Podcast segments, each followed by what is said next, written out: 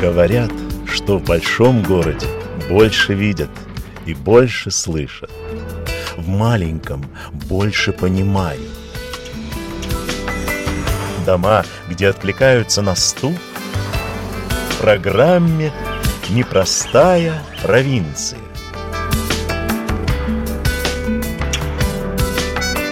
Программу «Непростая провинция» также можно послушать на веб-сайте Латвийского радио 4 LR4 LV на всех основных платформах потока вещания подкастов. Здравствуйте, я Ольга Гудис. Мы продолжаем гостить у художницы-керамиста Илоны Шауши в ее лаборатории пермакультуры Краули, недалеко от Скрунды, возле поселочка Раньки. Это звучит рок из черной керамики – ведь Илона делает самые разнообразные музыкальные инструменты. Парни, которые уже посматривали невесту, они брали такой рок и на вершине горы призывали. И все тогда знали, что он уже готов невесту искать. Как олень, да? На да. гоне. Да, да, да, да, да.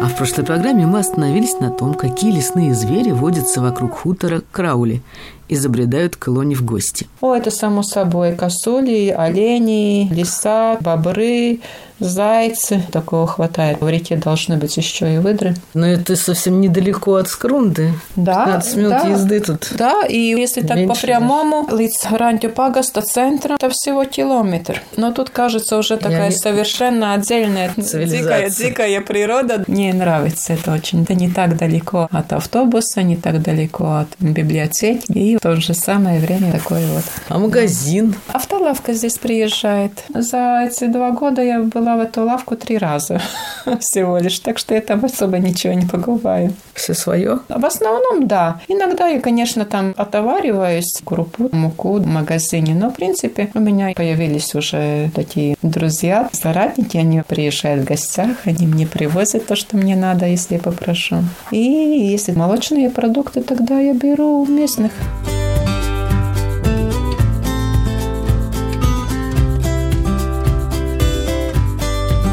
Что же такое пермакультура, идеи которой Илона воплощает в своей сельской лаборатории? Пермакультура – это образовалось со словосочетания permanent culture, permanent agriculture – такое устойчивое земледелие, это такой образ жизни, целая философия, как жить, чтобы богатство земли после нас не уменьшались, а увеличивались. Жить с мыслью, какой я оставлю после себя землю через 150 лет от этого момента. И на латышском переформулировали «веда саемная кошина». Это такое осмысленное ведение дел, устойчивое. На самом деле уже наши прародители знали, когда у них было какой-то кусочек земли, что у них вот есть столько, и что больше не будет. И как вести хозяйство, чтобы хватило следующим поколениям, потомкам семье, как обеспечить. И каждый заботился, чтобы сохранить почву, чтобы там росли плодовые деревья. Когда мы работаем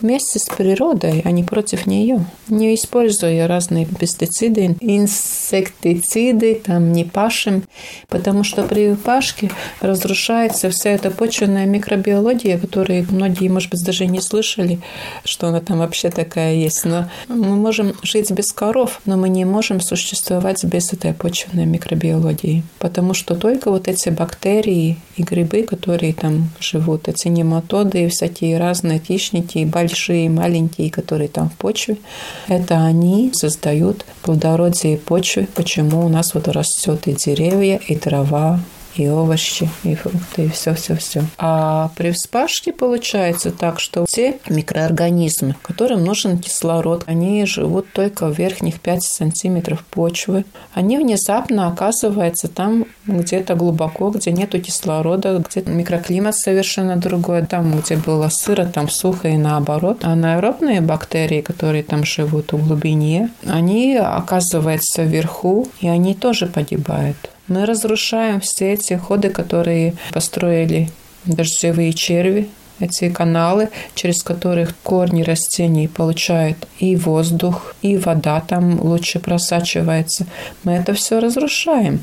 И получается, что мы уничтожаем их дома. Э, работу да, их дома вот, вот этих да. маленьких помощников садовых. И теперь человеку самому приходится делать эти ходы, там как бы аэрировать эту почву, погубать технику и все это пахать, потому что иначе там уже ну, Но... это, это ауксны. По пермакультуре не разрушается вот эта система, не разрушаются эти бактерии и все такое. В общем, говорят так, если у вас на территории слишком много слизней, то значит, что у вас слишком мало уток. У вас есть утки? У меня нет, потому что пока я живу здесь одна, я не могу позволить себе. Тогда я не смогу вообще никуда выехать отсюда на более длительный, не знаю, на какой-то керамический симпозиум, например. Но если здесь будет еще какие-то люди, у меня обязательно будут утки, и не только. То есть керамику вы не забросили? Нет, я время от времени работаю, конечно. Ведь надо за электричество платить, что-то покупать. Деньги-то какие-то нужны. Не все же на картошке. Ну, о экономической стороне это уже отдельный разговор, но то, что я выучила когда-то, я ничего не сожалею, там мне все пригождается. Если это погуляете, вы увидите много моих творческих работ здесь вокруг. Я делаю музыкальные инструменты все так же, и участвую в симпозиумах и пленерах, когда они не слишком далеко. Если мне еще за это гонорар платят, тогда очень хорошо. А так, творчество у меня здесь каждый день.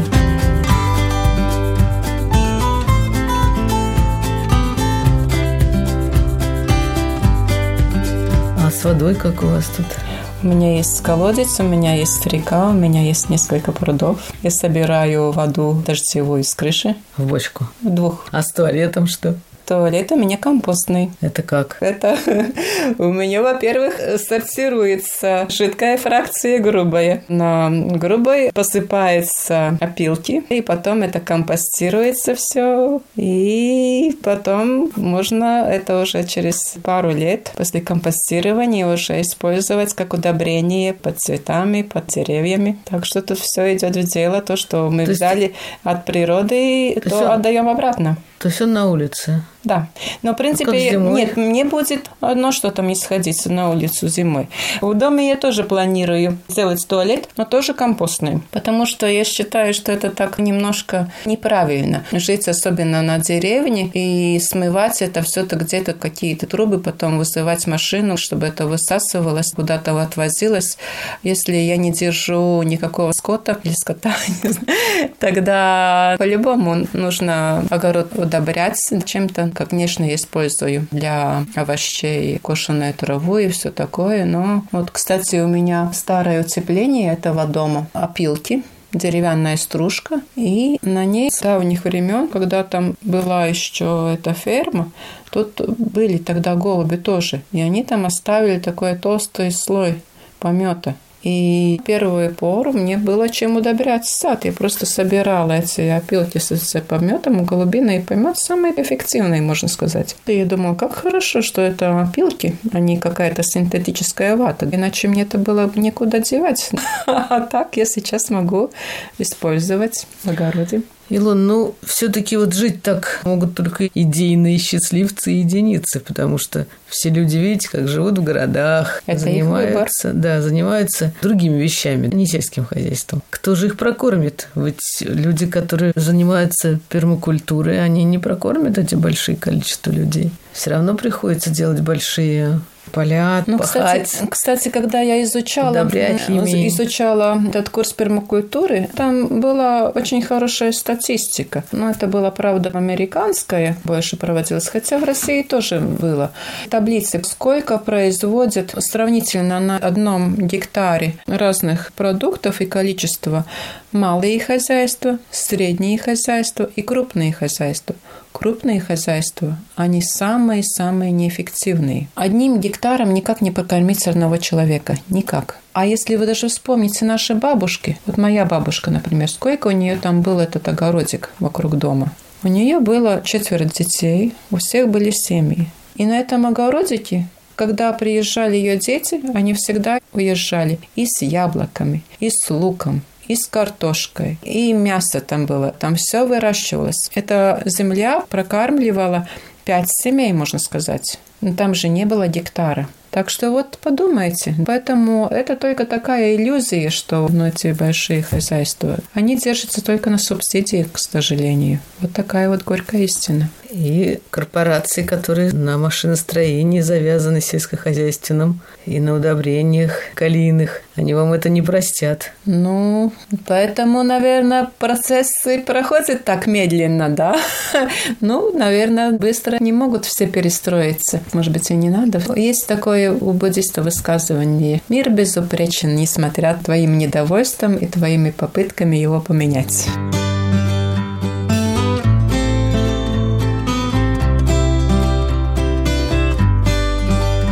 Я глобальные проблемы решаю. Локально, здесь, в моем хозяйстве маленьком – начинаю от этого моего кусочка земли, где я внедряю те принципы, которые близки моему сердцу, которые могут вдохновить других людей и которые тут мне присоединяются, приезжают, помогают, приезжают из соседнего, приезжают и с Англии. Здесь вот были австриец, когда нужно было садить деревья, мне приехали четыре IT-специалиста из Индии.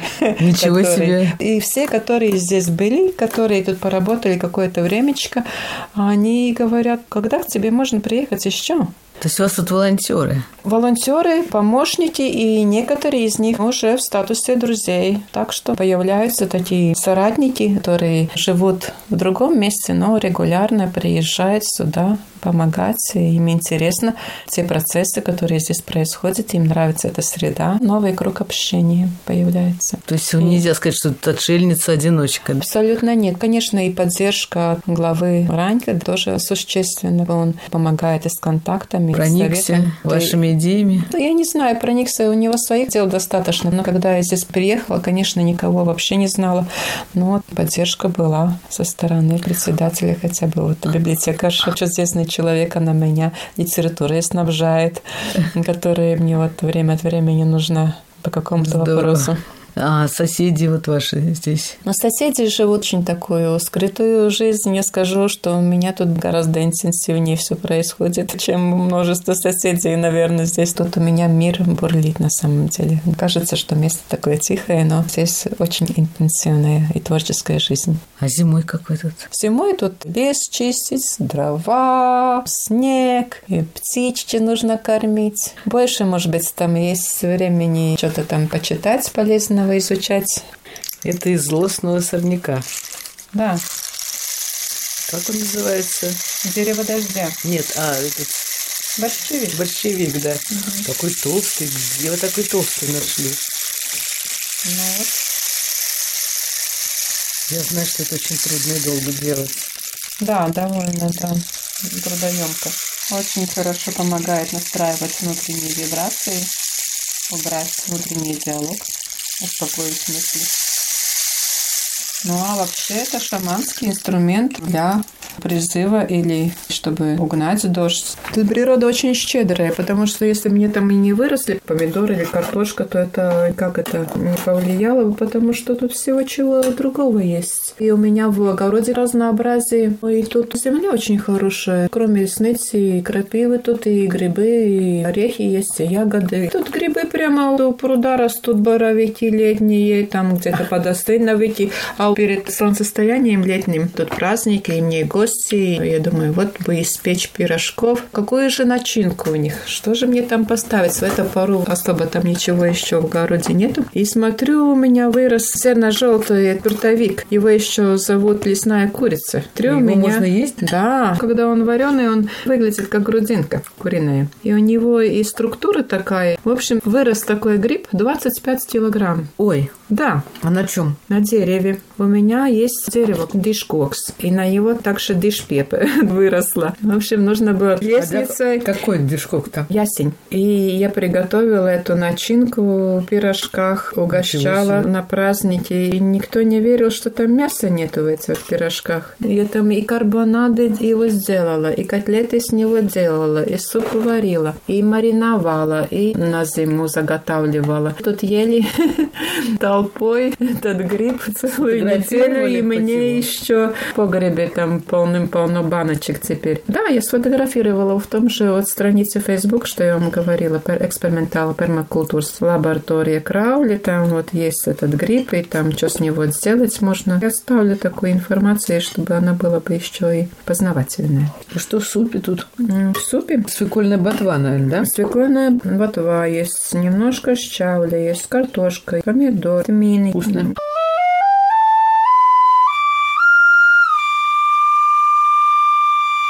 А сейчас мы отправимся осматривать владение лаборатории и плоды творчества Илоны. Можно сказать, выставку под открытым небом. Причем не только керамическую.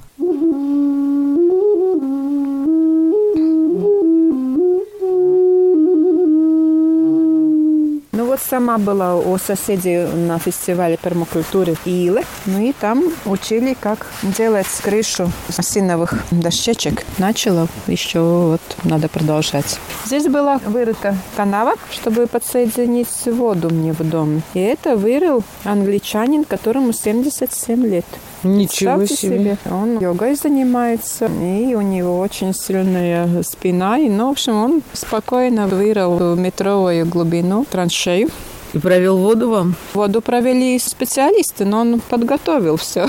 Так у вас теперь вода есть в доме? В одной квартире я подвела, чтобы было для стиральной машины. Ну и пока тут трава еще не выросла, так и вот я, я поставила, машина. я поставила здесь у меня тюльпаны растут теперь. Керамические. Да. А это колодец. Да. Так вы крышу на него еще не сделали? Начал с боков. Надо начинать с боков. А потом уже саму крышу не знаю, когда я сделаю, потому что дел дофига таких разных. Хорошая вода. Да, я чистила воду, сдавала анализы, все хорошо хорошо. А что это в горшочках трава? Это такая бамбусовая трава, она растет и так свисает красиво, очень модная теперь такая трава. Я ее купила, буду приствольные круги у деревьев плодовых. А там что? А это мне была работа на биеннале керамической в Ротко-центре с названием А1, А2, А3, Б1, Б2, Б3, С1 и так далее. Ну, вы как женщина должны знать, что это такое. Не знаю. Грудь, что ли? Ну, размере бустгал. А, в виде керамических крышечек на горшочке. Ну, это как бы грудь сама, ну вот в размере грудь. Mm, ну да, это такая грудь хорошая, которая стоит, не висит. Чего только не придумает человек. Вот тут у меня был фестиваль. Вот эти замечательные. Были, да, были сторожи посторонние, чтобы это тут не гуляли бы.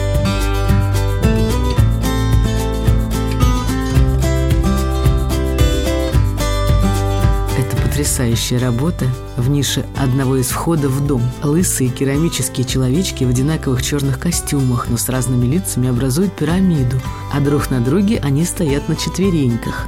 Вот такая социальная пирамида. Такой тревожный юмор абсурда.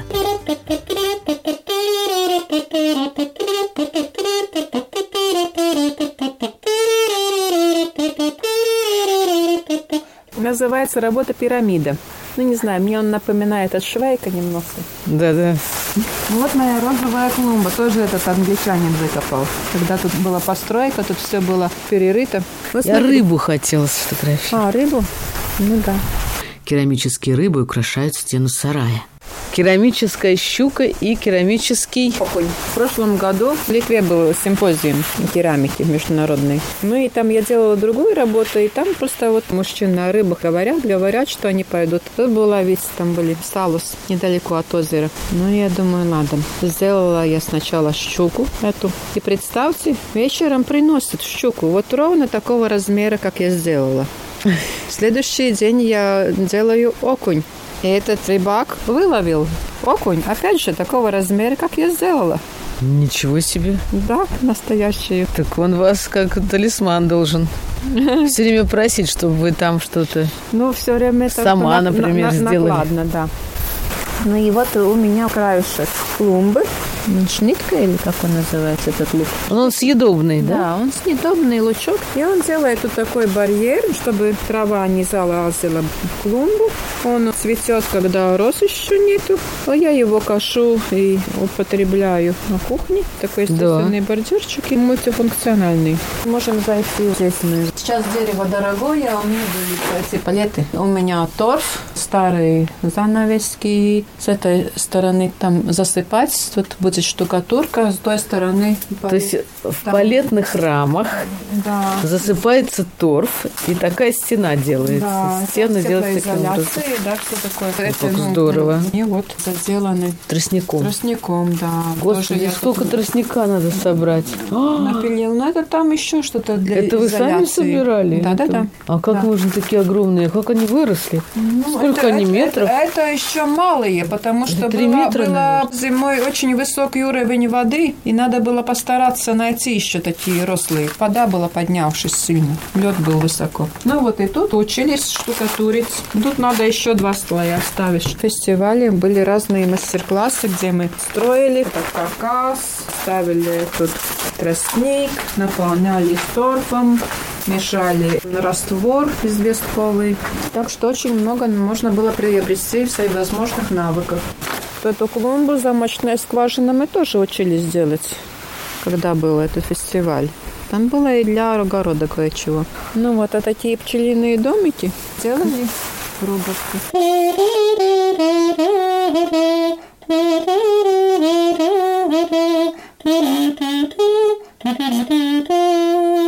Тут были старые груши посажены. Их никогда никто не обрезал, не формировал. От зайцев косуль не оберегал.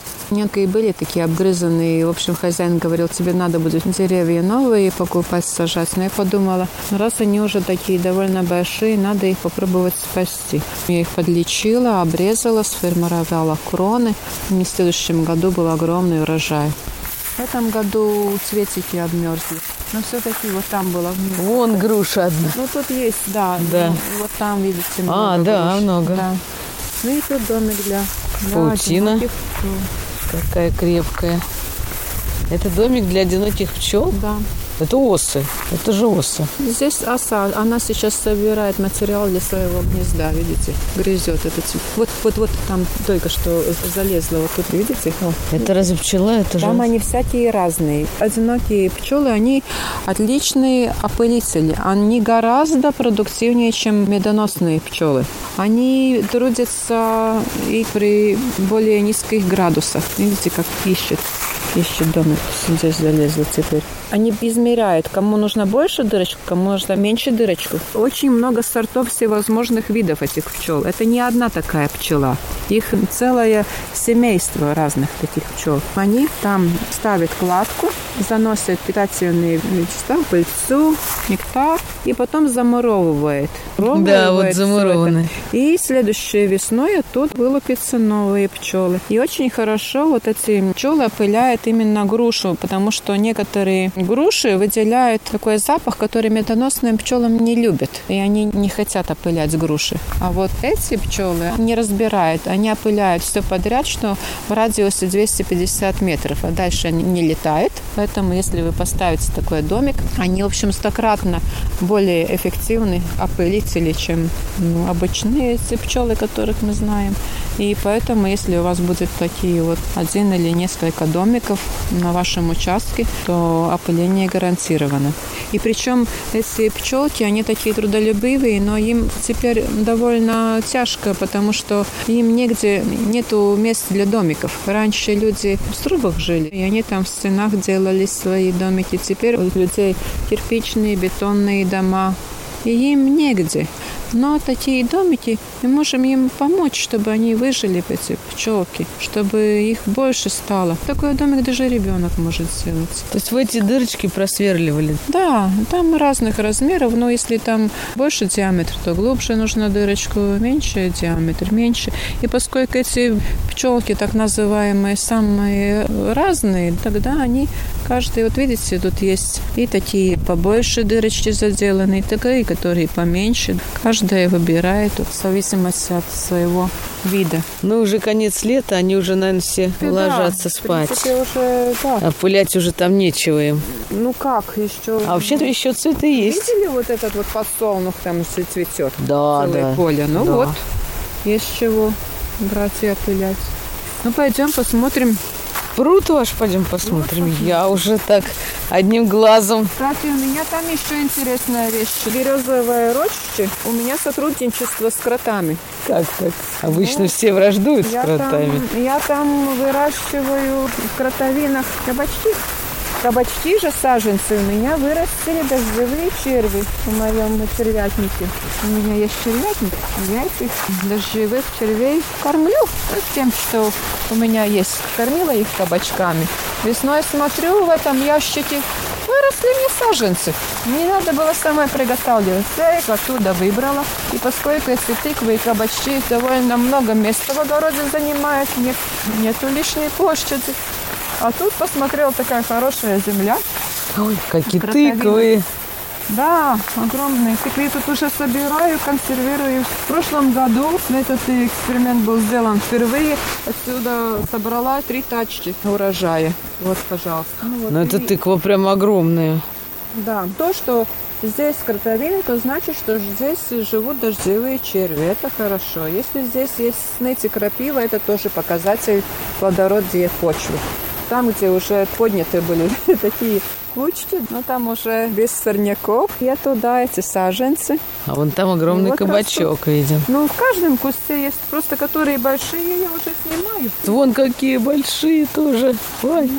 То есть здесь у вас живут кроты еще. А они ничего не подкапывают, тут корни, ничего. Это да, это надо Ого. смотреть. Тогда, если Сколько Есть- кабачков. Если заметили вовремя, что они уже подсыхают, надо придавить. Но если уже не заметили, тогда нужно новые саженцы на место ставить. В этом червятнике уже новые саженцы. Просто беру свежие, на место ставлю. И вот, пожалуйста. Не сама саженцы делала, не сама грядки делала. Все мне вот как бы, пожалуйста, подарки. Наверное, такой-то не поднимете. Как вы его дотащите? Ну, подыму. Вот видите, зеленые, желтые, белые тыквы, кабачки, в общем, всего Это зеленая тыква, да, большая? Ну, Или это кабачок такой огромный? Я не знаю, нужно червям спрашивать, что они там вырастили. Просто нужно покосить эту большую траву, я их кругом обкладываю. У меня удобрение. И было это очень жаркая пора. Эти березки немножко затеняли, и эта трава немножко затеняла, чтобы земля не просохла. Когда вот начались дожди, я вот эту траву скосила, поставила вокруг, вот растут. Ой, это что такое Это интересное? мы демонстрировали дерево дождя, а вот это вот гром. Ничего себе. Дерево дождя это чтобы настроить с внутренней вибрации. Здесь уже ну, пространство работает. Пойдем теперь посмотреть плавающие острова. Они тоже имеют несколько функций, как в пермакультуре положено. Тут кроме эстетической функции, это и фильтрация воды. Это очень хорошо, если маленький искусственный бассейн, где не хочется траву там сажать или как-то там, да, очень хорошо фильтрирует воду. Корешки протягивает глубину и довольно длинные Острова на пруду абсолютно круглые, как огромные тарелки с зеленой растительностью. Выглядят сюрреалистично и завораживающе. Там и рыбки могут питаться, и тень дают. Там рыбки могут спрятаться, и в конце концов люди имеют эксклюзивную возможность купить свой собственный остров. А, классно. Купили уже? Пока нет. Вот это орегано. Угу.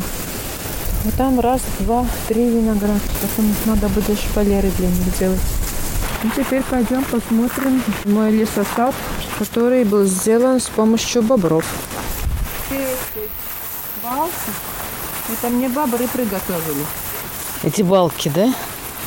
А как вы притаскиваете? По одному Это кирпичики аламар, брикс аламар Это по-французски. Кедель Юрас Гауме. Это где вы такие надо были? Сделала. Сами такие кирпичи сделали? Ну да, это же не фабричные. Ну, я смотрю, думаю, что такое невероятное, непонятное. Ну, просто- Тип, типа города. Я участвовала Многоэтажек. в одном проекте с названием «Кирпич», где каждому художнику выдали сколько там кирпичей, которые не обожжены сырые. И дальше их можно было формировать как угодно. Но они такие, как будто море их обработало. Ну, видите, у них и размер Да такой неправильный. Обломки цивилизации. Да.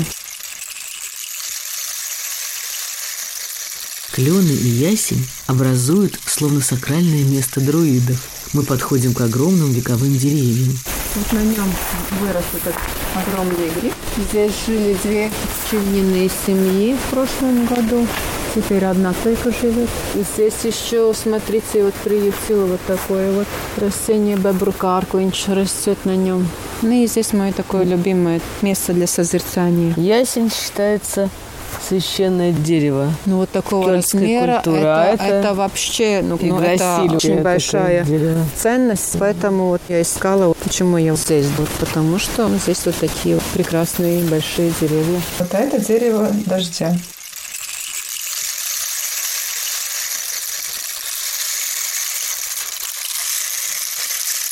Сегодня мы гостили у художницы Илоны Шауши, которая организовала возле поселка Раньки Кулдикского края лабораторию пермакультуры Краули. И главный философский вопрос, который ставит перед человеком движение пермакультуры – Какую землю ты оставишь после себя следующим поколениям? С вами была «Непростая провинция», редактор компьютерного монтажа Инга Быдал, автор программы Ольга Гудис. Если вам понравился этот подкаст, порекомендуйте его своим друзьям и поделитесь им в социальных сетях. Нажмите сердечко или поставьте пятизвездочную оценку платформе, на которой вы нас слушаете. Спасибо. Всего вам доброго. До встречи через неделю.